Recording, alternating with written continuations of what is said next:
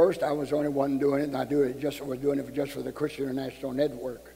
And then a few years later, some of our ministers started doing it, and a few others. Now, 32 years later, there's hundreds of them giving the word of the Lord for the year. Apostle Leon's having a center where I normally go every year, but this time I'm doing it by Zoom.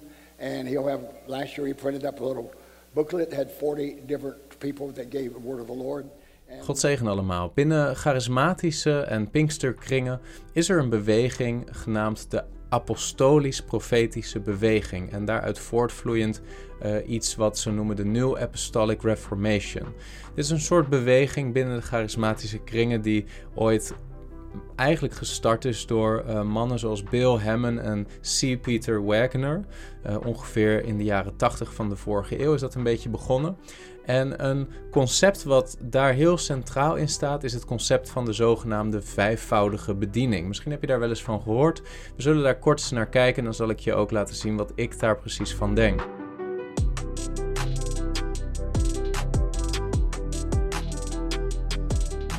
Waar komt nou eigenlijk precies dat idee van die vijfvoudige bediening vandaan? Nou, dat is in Efeze hoofdstuk 4, vers 11 tot 13. Daar lezen we: En hij, en dan gaat het over de Heer Jezus, en hij heeft sommigen gegeven als apostelen, anderen als profeten, weer anderen als evangelisten en nog weer anderen als herders en leraars, om de heiligen toe te rusten, tot het werk van dienstbetoon, tot opbouw van het lichaam van Christus, totdat wij allen komen tot de eenheid van het geloof en van de kennis van de Zoon van God, tot een volwassen man, tot de maat van de grootte van de volheid van Christus. Mensen als Bill Hammond en Peter Wagner die tellen het aantal bedieningen hier en dan tellen ze apostelen 1, profeten 2, evangelisten 3, herders 4 en leraars 5.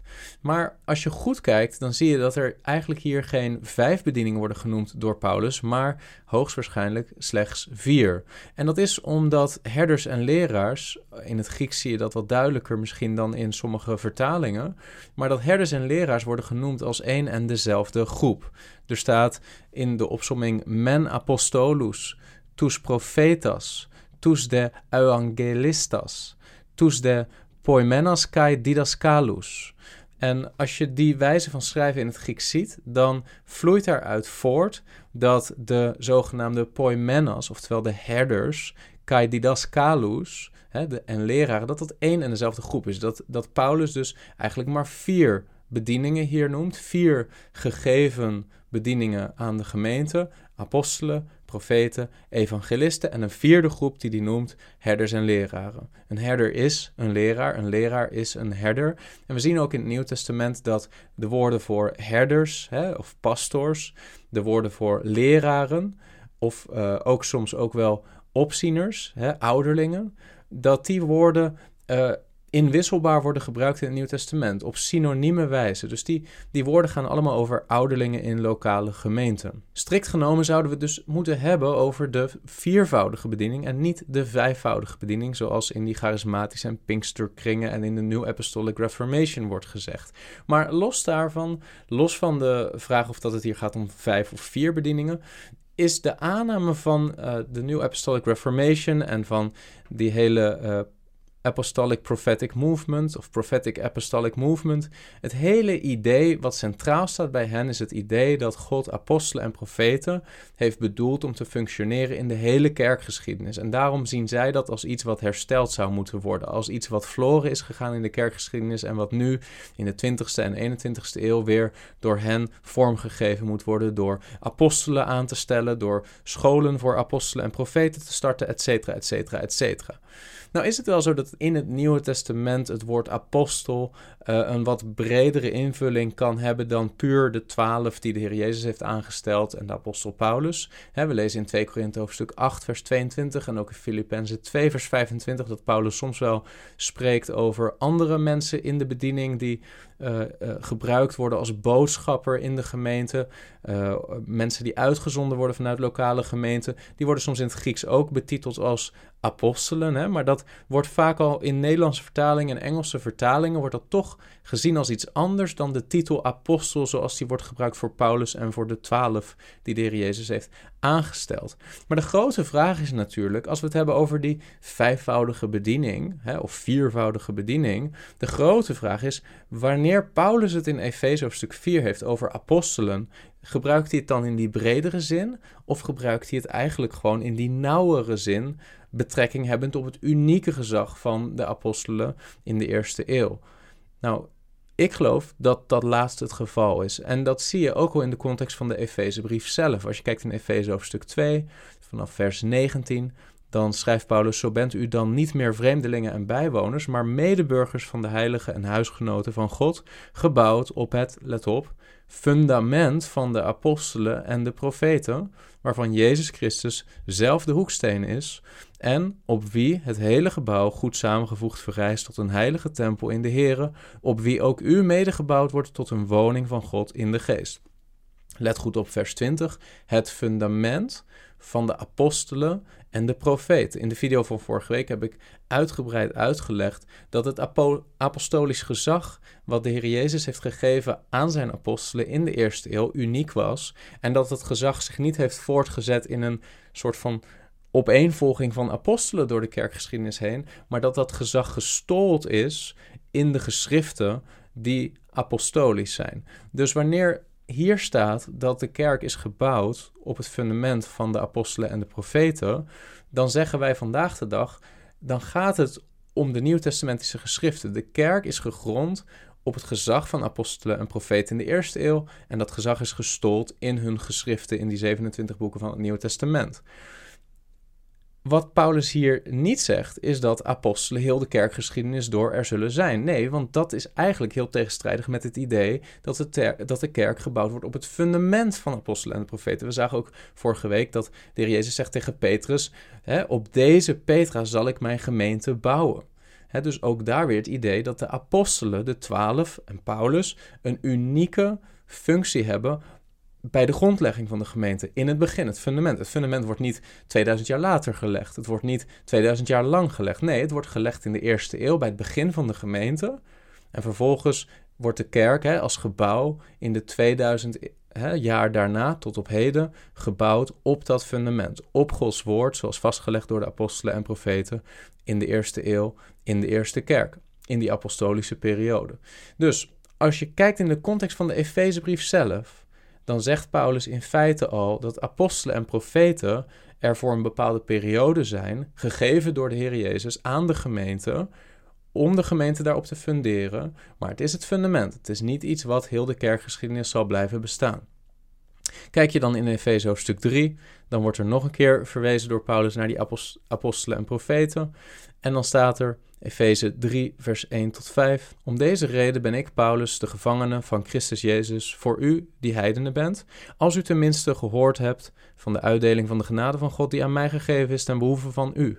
Dat hij mij door openbaring dit geheimenis bekendgemaakt heeft, zoals ik eerder in het kort geschreven heb, waaraan u, als u dit leest, mijn inzicht kunt bemerken in het geheimnis van Christus, dat in andere tijden niet bekendgemaakt is aan de mensenkinderen zoals het nu geopenbaard is, aan zijn heilige apostelen en profeten door de geest. Dus opnieuw, Paulus heeft het erover dat er een soort unieke openbaring gegeven is, nu, hè, op het moment dat Paulus dat schrijft, in de eerste eeuw, aan zijn heilige apostelen en profeten.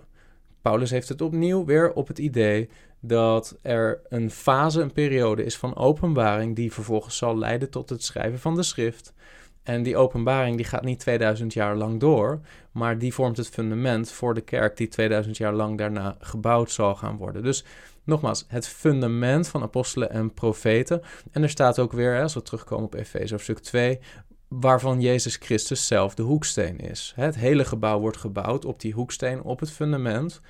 Maar het idee is niet dat de Heer Jezus Christus bijvoorbeeld, die de hoeksteen is, in zijn bediening op aarde, dat hij daar ook 2000 jaar uh, hetzelfde soort karakter heeft. Nee, de Heer Jezus heeft als mens op aarde geleefd, is vervolgens eenmalig voor ons gestorven op Golgotha aan het kruis, is vervolgens eenmalig opgestaan uit de dood, is vervolgens eenmalig opgevaren naar de hemel, heeft zich eenmalig gezet aan de rechterhand van de Vader. Met andere woorden, er is een uniek fundament gelegd in het handelen op aarde van de Heer Jezus. En dat vormt de hoeksteen van de kerk vandaag de dag. We geloven niet dat de Heer Jezus uh, eh, 2000 jaar lang steeds opnieuw aan het kruis sterft of steeds opnieuw uit de dood opstaat. Nee, dat is eens gebeurd en die gebeurtenissen vormen het fundament voor de kerk. Maar op dezelfde manier is de bediening van de apostelen en profeten in de eerste eeuw een unieke, eenmalige gebeurtenis geweest, waarna de kerk zich gefundeerd heeft op de Nieuwtestamentische geschriften die hun gezag nog steeds bevatten. Dus wat houden we nog over? We hebben het nog steeds over evangelisten. We hebben het nog steeds over ouderlingen, oftewel herders of leraren in de gemeente.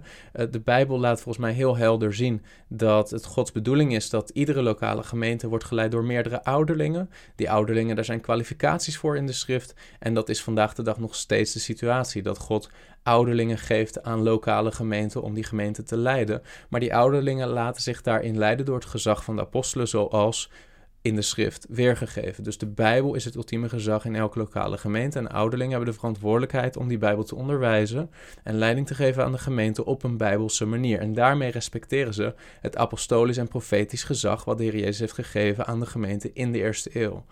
Uh, evangelisten zijn nog steeds actief vandaag de dag, dat is mijn overtuiging. Die gaan buiten de gemeente het evangelie verkondigen en op die manier werven zij mensen, voegen zij zielen toe aan de lokale gemeente.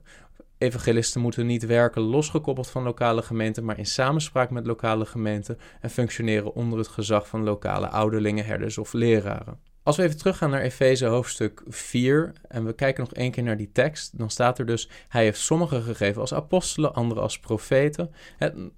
Even dat onderbrekend, er staat hier niet dat zal hij blijven doen. Nee, er staat hij heeft dat gedaan. de Heere God heeft apostelen en profeten gegeven in de eerste eeuw. Maar uit deze tekst blijkt niet dat dat zal blijven gebeuren 2000 jaar lang.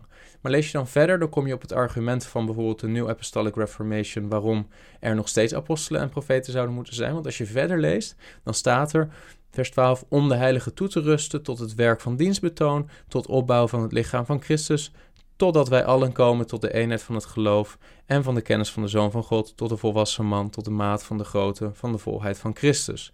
Nou, zij zeggen, de gemeente is nog niet gekomen tot die eenheid van het geloof en tot die kennis van de Zoon van God, uh, tot de volwassenheid, uh, tot de maat van de grootte en de volheid van Christus. Dus God zal apostelen en profeten blijven geven. Maar simpelweg is dat niet wat hier staat. Wat hier staat is, God heeft gegeven, met als bedoeling om de kerk te leiden tot volwassenheid. Er staat hier niet dat apostelen of profeten heel de kerkgeschiedenis door zouden moeten blijven functioneren. Dat is er simpelweg hier niet in de tekst terug te vinden. Het grappige is dat juist die eenheid in het geloof, waarvan uh, mensen in die New Apostolic Reformation beweren dat apostelen en profeten vandaag de dag zo belangrijk zijn om die eenheid te vinden. Het grappige is dat juist dat perspectief heel gevaarlijk is, omdat het mensen wegleidt bij de basis van sola scriptura, van de schrift alleen als ultiem gezag.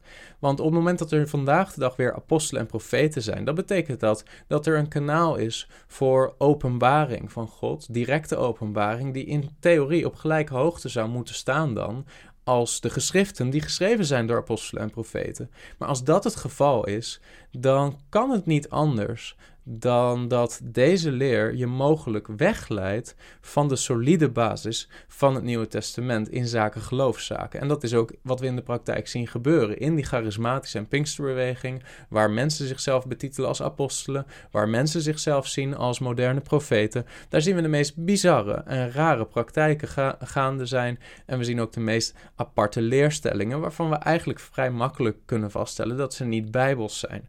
Toch geloven mensen ze vervolgens. Waarom? Omdat ze geloven in apostolisch gezag, omdat ze geloven in moderne profeten en daarmee een nieuw kanaal hebben voor gezaghebbende openbaring.